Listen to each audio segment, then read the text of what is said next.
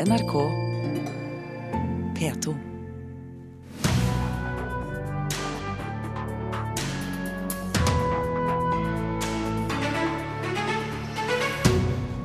Lederkonflikten vil ta livet av Rock City, mener Høyre i Namsos. Bent Hamer, Hisham Saman og Eskil Fugt, tre norske regissører som kan bli Oscar-kandidater.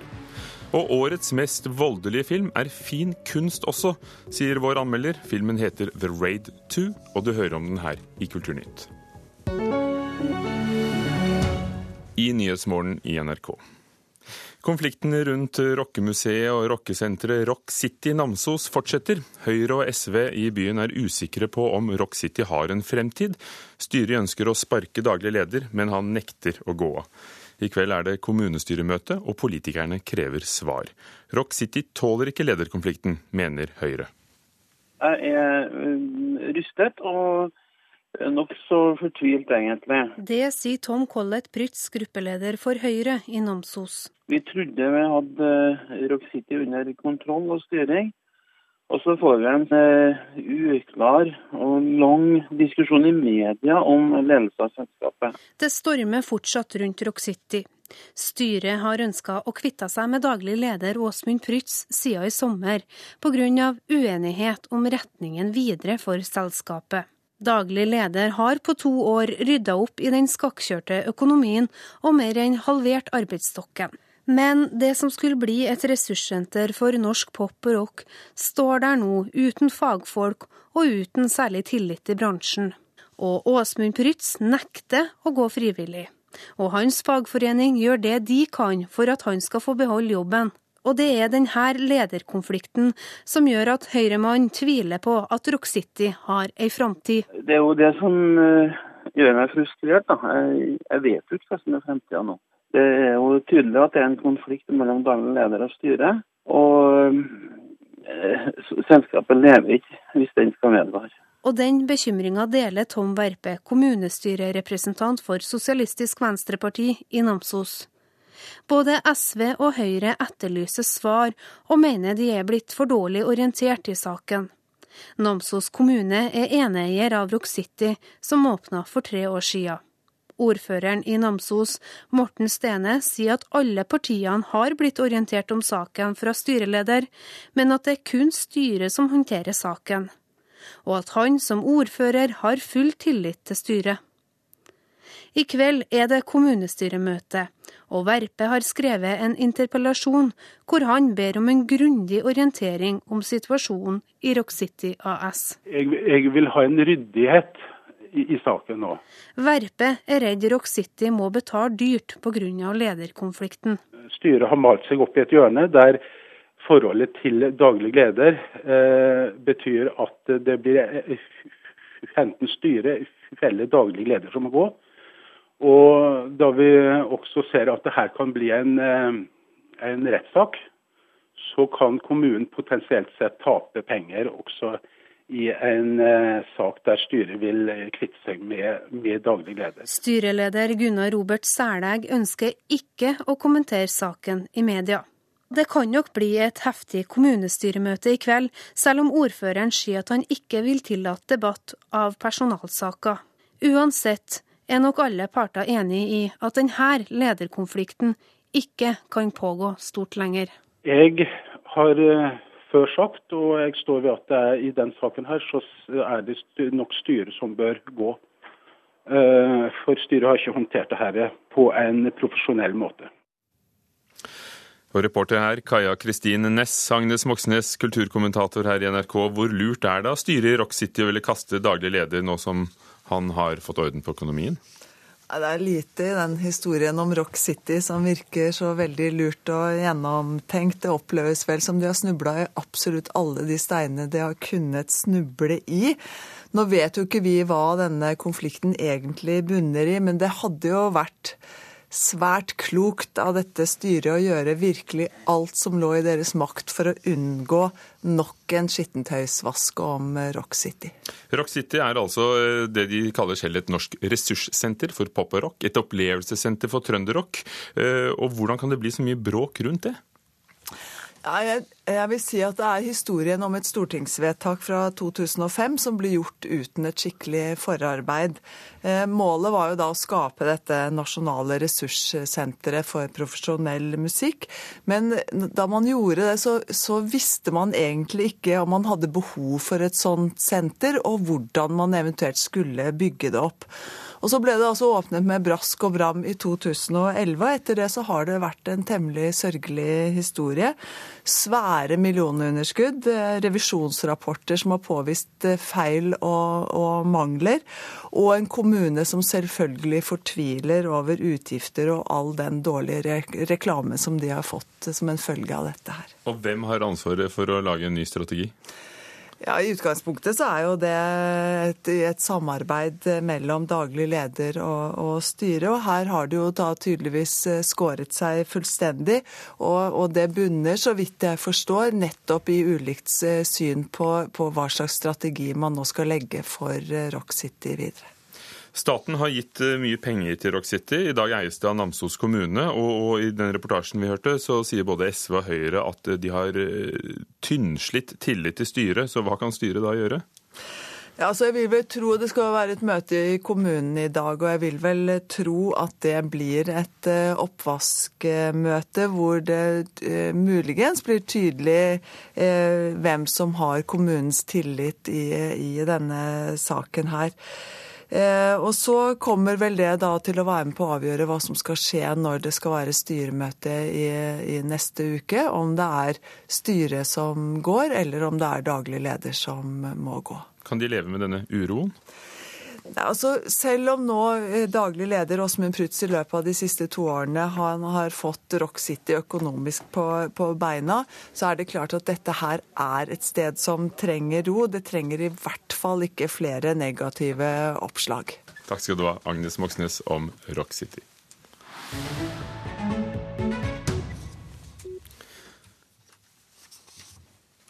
Inger Sitter krever å få tilbake privat kunst hun donerte til Trondheim kunstmuseum i 2008. Til Dagens Næringsliv sier kunstneren at hun mener kunsten ikke blir forvaltet på en tilfredsstillende måte. Bildene henger nå i en bygning som har begrenset åpningstid, og Sitter frykter at kunsten skal havne i kjelleren. Styrelederen i museet i Sør-Trøndelag sier til avisen at de mener Sitter ikke har noe rett til å kreve gaven tilbake. Oslo kommune har fått eh, design-, arkitektur- og livsstilsmagasinet Monokkel til å lage et eget bilag om byen, skriver Aftenposten. Gjennom selskapet Oslo Business Region har byen fått magasinet til å skrive om festivaler, barer, restauranter og arkitektur, og naturen. Den redaksjonelle omtalen i bladet koster rundt to millioner kroner, og foreløpig har de fått private til å bidra med 1,3 millioner av dem.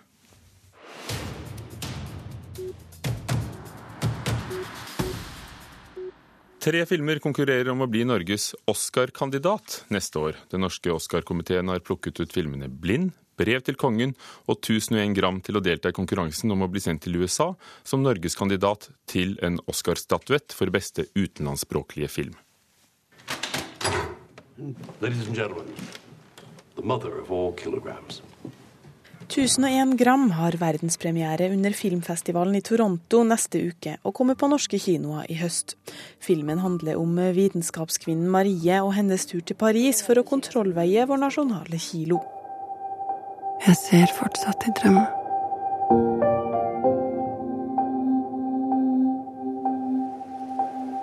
Jeg våkner, og det tar ofte noen sekunder før jeg husker at jeg ikke kan se. 'Blind' av Eskil Vogt vant tidligere i august Amandaprisen for beste regi, og har fått gode kritikker. Filmen handler om hva man går gjennom når man mister synet. Filmen 'Brev til kongen' handler om en gruppe fra et asylmottak som reiser på dagstur til Oslo. Filmen skildrer flere personer med ulik bakgrunn, og deres historier er veva sammen av et brev som 83 år gamle Mirsa skal overrekke til kong Harald. Velkommen til Oslo in this beautiful weather. We are lucky, huh? Ja. Og reporter var Runa Rød. Mode Steinkjer, kulturredaktør i Dagsavisen, og her som jurymedlem fra Norsk Filmkritikerlag, som er med og plukker ut filmene. Hva er det ved disse tre filmene som gjør at uh, du tror de kan appellere til uh, det amerikanske filmakademiet? Det har vært en, eh, et privilegium å gå gjennom alle disse 32 filmene som da har kommet ut i denne perioden. Eh, men når man tenker på Oscar, så er ikke det nødvendigvis en pris som Amanda eller en festivalpris til beste film. Man må også finne de filmene man tror kanskje har muligheten til å nå gjennom dette sirkuset som en Oscar-nominasjon eventuelt da måtte være. Og, og Hvorfor da, tror du at det er disse tre? Hvis vi ser på hva som har fått uh, kommet gjennom dette nåløyet for beste uh, ikke-engelskspråklige film tidligere, så er det jo kunstnerisk sterke filmer. Det er filmer som gjerne berører deg. Det er ikke sjangerfilmer, det er ikke barnefilmer, det er ikke dokumentarfilmer, så de har vi egentlig sett bort fra i utgangspunktet. Og heller da lett etter de sterke personlige stemmene og de sterke personlige filmene. Og da var det de tre filmene her som vi nå står igjen med. Var det vanskelig i juryen å, å plukke de tre av 32? Det er lett i begynnelsen å se hva som ikke egner seg for en Oscar-nominasjon, men når du kommer da ned til en eh, sju, åtte, ti eh, filmer som står igjen, da blir det vanskelig, for da er det ganske tett. Eh, men dette er da filmer også som, som har gjort det bra ute, eller som skal ut, f.eks. 1001 gram, som har da premiere i, på festivalen i Toronto. Dette er filmer som har fått priser ute, og det er også et aspekt ved dette her, at de skal uh, ha gjort seg bemerka på en eller annen måte med priser eller internasjonal oppmerksomhet. 1001 gram kommer på norske kinoer i slutten av september. De andre har vært der, og der er det jo et paradoks. Fordi Brev til kongen uh, ble kåret som Nordens beste film i fjor på filmfestivalen i Gøteborg. En pris på 1 million kroner, men ble bare sett av 6875 stykker i Norge. Og Blind ble sett av 12310, og det er ikke mange, selv ikke i Norge. Er det kritikerne eller kinopublikummet som skal like filmene? I denne sammenhengen så uh, tror jeg jeg skal få lov til å si at det må være kritikerne. Og det er ikke filmenes feil at de ikke er sett av flere, for dette er gode filmer som absolutt alle burde gå og se hvis de er glad i god film og glad i en god historie. Det er folks feil. Mm. Hvis feil er det? Hvis feil er det. Det er, er, det folkets feil. Det skal jeg ikke dømme på. Men eh, det har noe å gjøre med at nettopp disse filmene her, eh, Blind fikk fire Amanda-priser. Eh, ikke fordi at den er sett av 12 000, men rett og slett fordi at den av fagfolk, av en jury og av kritikerne ble regna som en av de beste filmene i fjor. I fjor eh, var det den italienske 'Den store skjønnheten' som fikk eh, Oscar-statuett for beste ikke-engelskspråklige film. Året før eh, Michael Hannekes 'Amour'. Det er jo ikke mainstream-filmer. Hva er det amerikanske filmfolk ser etter? Akkurat når det gjelder denne kategorien, så tror jeg de ser rett og slett etter god film. De ser etter personlige filmskapere, og det har Bent Hamer med 1001 gram eh, absolutt vist i den filmen han kommer med. Han har også lagd filmer tidligere som er i den kategorien. Du har Eskil Vogt, som da har blind. Eh, en debutant i spillefilmsammenheng som regissør, men han har jo da laget filmer sammen med Joakim Trier før, på manussiden. Og du har Hishe Saman, som da hadde også snø før snøen faller. Sterke regissører, jeg tror det er det de ser etter. De ser etter de kreative, små, eh, kunstnerisk fullendte filmene framfor eh, f.eks. en sjangerfilm som da gjerne kan plukkes opp i de andre kategoriene i Oscar. Når dere går ut med disse tre navnene og snart kommer dere frem til den ene som skal sendes i kampen om å så bli nominert til Oscar-statuett, er det også med et håp om at norske kinosjefer setter dem opp igjen? Det er vel veldig sjelden at de gjør det. Nå ser jeg da helt tilfeldigvis. Eh, det har ingenting med dette å gjøre at, at Blind skal opp igjen på kino i Oslo.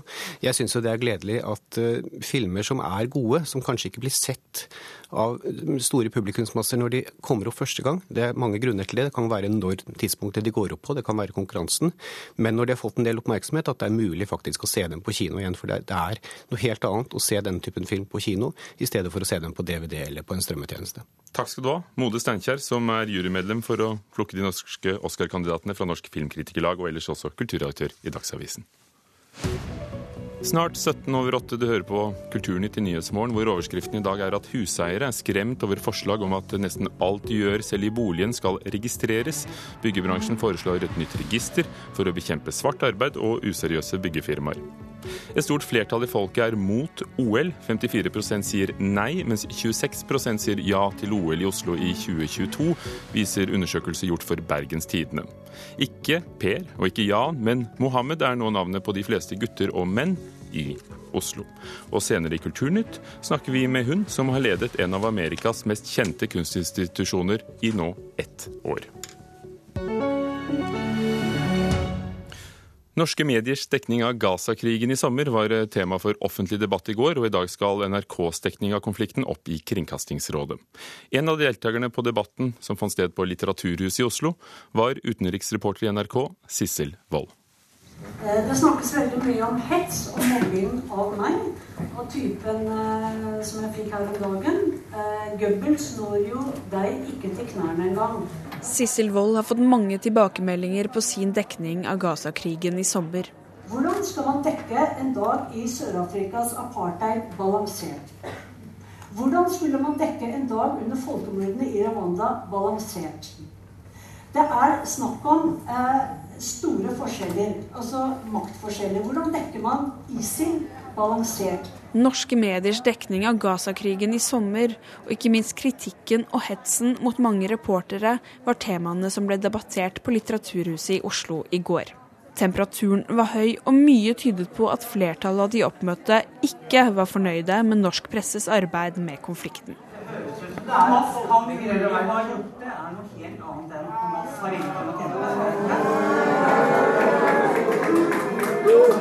Vi føler at norsk presse gir en ekstremt stor dekning av det uten at man sammenligner det med andre konflikter, slik at folk sitter igjen med inntrykk av at denne krigen er ekstremt mye mer brutal enn andre kriger. Konrad Myrland er generalsekretær i Med Israel for fred. De har vært verbale om sitt syn på dekningen. I de norske mediene, og spesielt i Rikskringkastingen, som er lisensbetalt, forventer vi at også israelernes beste argumenter kommer fram. Eh, krigsreporteren, som er i en krig, har som oppdrag å formidle hva som skjer der, forsøke å forklare hva som skjer der, og snakke med og vise fram de som er rammet av krigen. Så er det vår jobb som i hjemmeredaksjon å bidra med de andre perspektivene, den andre sidens forklaringer, analysen, forsøkene på å forstå hva som skjer. Nyhetsdirektør i NRK Per Arne Kalbakk måtte svare på kritikken. Eh, journalistikkens vesen er å være kritisk. Eh, journalistikkens vesen er å være til stede der det skjer urett, der det er krig, og fortelle om eh, krigens konsekvenser. Også Håkon Borud, som er nyhetsredaktør i Aftenposten, svarte for hvorfor dekningen har vært som den har vært. De som er i Gaza, er, dekker en krigssone og er nødvendigvis der hvor det er mest lidelse. Eh, og mest lidelse har det vært i Gaza og ikke på israelsk side. Eh, på den måten så blir det nødvendigvis en skjevhet i dekningen, for den speiler en krig, og krig er voldelig og, og forferdelig. Overdekker man Gaza på bekostning av andre konflikter? Jeg tror alle medier til alle tider overdekker enkeltkonflikter på bekostning av andre konflikter. Det er veldig mange blodige konflikter rundt i verden som ikke får samme dekning som Gaza. Reporter var Siran Øsalp Gildirim. Produsenten og distributøren skryter av at eh, filmen The Raid 2 trolig er årets mest voldelige film. Men det de ikke sier, er at filmen også er fin kunst. Det synes vår anmelder Einar Gullvåg Staalesen. Bevegelsen i bildet er artisteri. De er manuelle og muskulære. Det er asiatiske kampsportbevegelser uten synlig digital pynt. Men det artistiske dreier seg mer om det estetiske kameraarbeidet. Den presise lyssettingen, den virkningsfulle lyddesignen, musikken. I det hele tatt alt som omfattes av filmformidlingen. Mulai sekarang lo ikutin gue.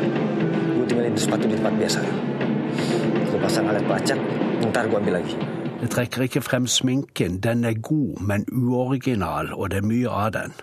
Jeg trekker ikke frem spillet, mye av det dreier seg om poseringer og stivnede uttrykk som redigereren har klippet inn i bilderekkene med veldig godt øye.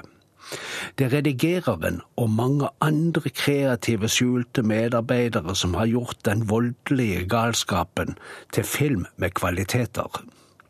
Det er tankene som teller, og evnen til å konkretisere dem. Her er et sjeldent eksempel på at en ubekvem og grov voldsfilm kan være et kunstverk.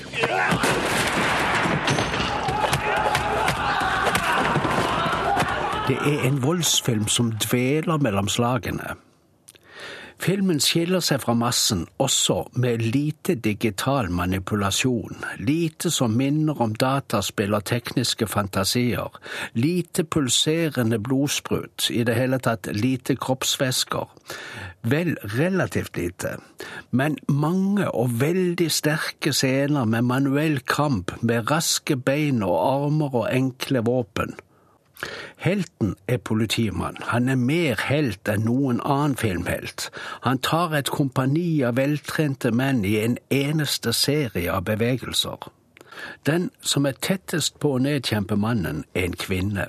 Hun dukker opp i sluttfasen. I en mer typisk voldsfilm ville hun vært en hovedperson fra start. Inntil denne sluttsekvensen har alle de kjempende vært menn. Konfrontasjonene står mellom mafiose grupper med tilbaketrukne gudfedre. De kjemper om makt og penger, selvsagt, men mest om ære. Bakgrunnen for oppgjørene er mindre materialistisk i denne filmen enn i filmer i hovedstrømmen.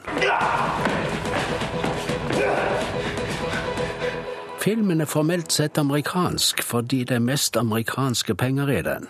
Forfatter og regissør er brite. Gareth Evans heter han. De fleste i teamet hans er asiater. Og The Raid 2 vises med indonesisk tale med engelsk teksting, anmelder Einar Gullvåg Staalesen. I ett år har Solveig Øvstebø ledet et av de mest kjente stedene for samtidskunst i USA. Etter å ha bygd opp kunsthallen i Bergen til å bli et sted som blir lagt merke til i Norge, ble hun sjef for The Renaissance Society i Chicago. Solveig Østebø, aller først, hva slags sted er det? Ja, Renaissance Society er jo et veldig spesielt sted. Jeg visste jo veldig mye om, eh, om institusjonen før de ringte til meg fra Chicago. Eh, og det har jo bemerka seg gjennom en årrekke med en helt, eh, et fantastisk utstillingsprogram.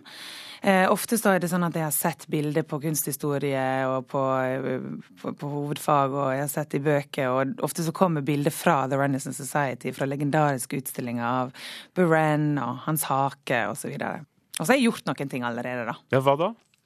Eh, Renaissance Society er jo en liten og veldig fleksibel institusjon, og det som var viktig for meg, det var å prøve å, å profilere den som en plass der eh, samtidskunst blir produsert, og ikke bare vist. Altså det vil si at vi er de første som viser kunstverkene til en gitt kunstner når den stiller ut hos oss.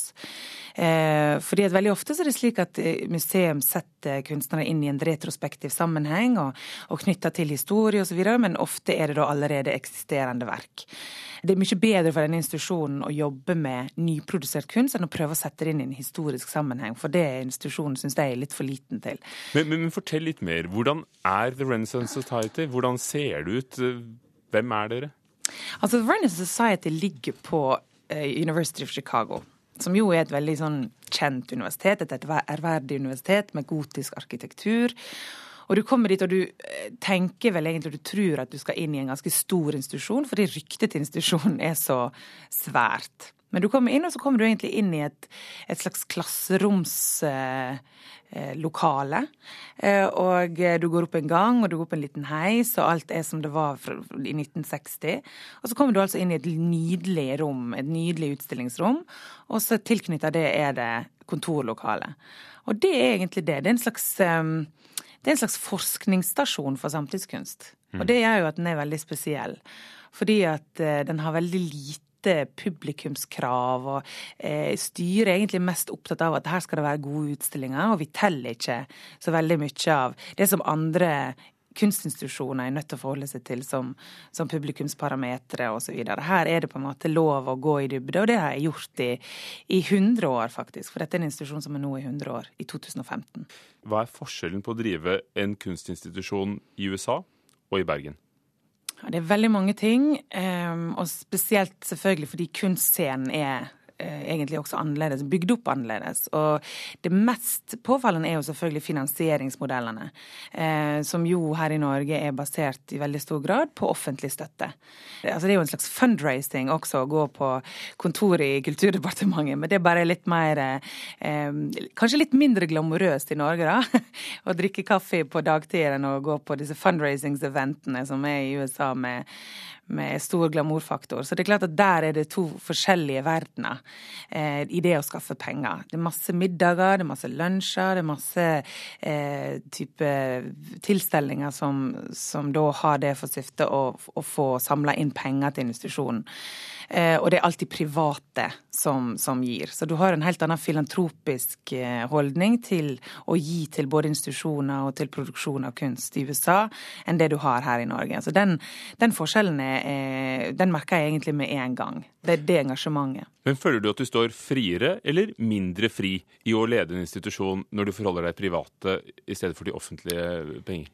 Altså begge, begge, modellene har på en måte både positive og negative sider. Altså den, den, norske modellen er jo en veldig god modell, i den forstand at når du først har jobba opp sånn som vi gjorde på Bergen kunsthall, når vi først fikk etter masse hardt arbeid, det skal sies, at vi fikk eh, kunsthallen inn på statsbudsjettet. Du får de faste kronene i året, og du får på en måte en, en, en god eh, økonomisk fundament for å jobbe. Så kommer jo de pengene ganske fast. Det skal en del til før det blir kasta ut av statsbudsjettet. Forhåpentligvis er det sånn enda. Hvis du da har en, en, en OK dialog, og at du på en måte får en frihet innenfor det mandatet du skal faktisk jobbe med, så er jo det en, en fantastisk situasjon. At du slipper å bruke så masse masse tid på å skaffe penger. Samtidig så er det klart at offentlige penger i Norge jo, henger jo med en del ting som man også skal være obs på. altså I forhold til det med å, kravet om på en måte kunstens allemannseie. At man alltid skal formidle det, at det skal være tilgjengelig. Og at eh, det er jo en litt typisk norsk ting også det, at det skal ikke spisse seg for masse ut. Og en skal helst ikke si at uh, kunst er noe for noen, og ikke nødvendigvis for alle, osv. Så, videre. så du har på en måte en, en mye mer, et større krav til allmennhet. Men, men, det er vel, om ikke krav, så antageligvis noen forventninger også fra giverne til The Renaissance Society f.eks.? Jo, men forventningene er annerledes. Altså Forventningene der handler mindre om det rundt kunsten og mer om selve kunsten. Så det er det positive, syns jeg, sånn som jeg oppfatter det i, i USA. at den, den, Folk er ikke redde for å si at ja, vi støtter samtidskunst, vi støtter at det er faglig, vi støtter det, det smale og det spisse. Fordi vi vil være, dette vil vi være med på, dette vil vi være med på å utvikle. Eh, og, og, det som da teller, er selvfølgelig at eh, det får gode tilbakemeldinger, at det får eh, gode kritikker i Artforum osv. Altså det er sånne parametere som da gjelder mer enn en tallet på publikum som ser det. Takk skal du ha, Solveig Øvstebø ved The Renaissance Society i Chicago. Marianne Myrhol, Espen Alnes og Hugo Fermarello sto for Kulturnytt. Hør flere podkaster på nrk.no podkast.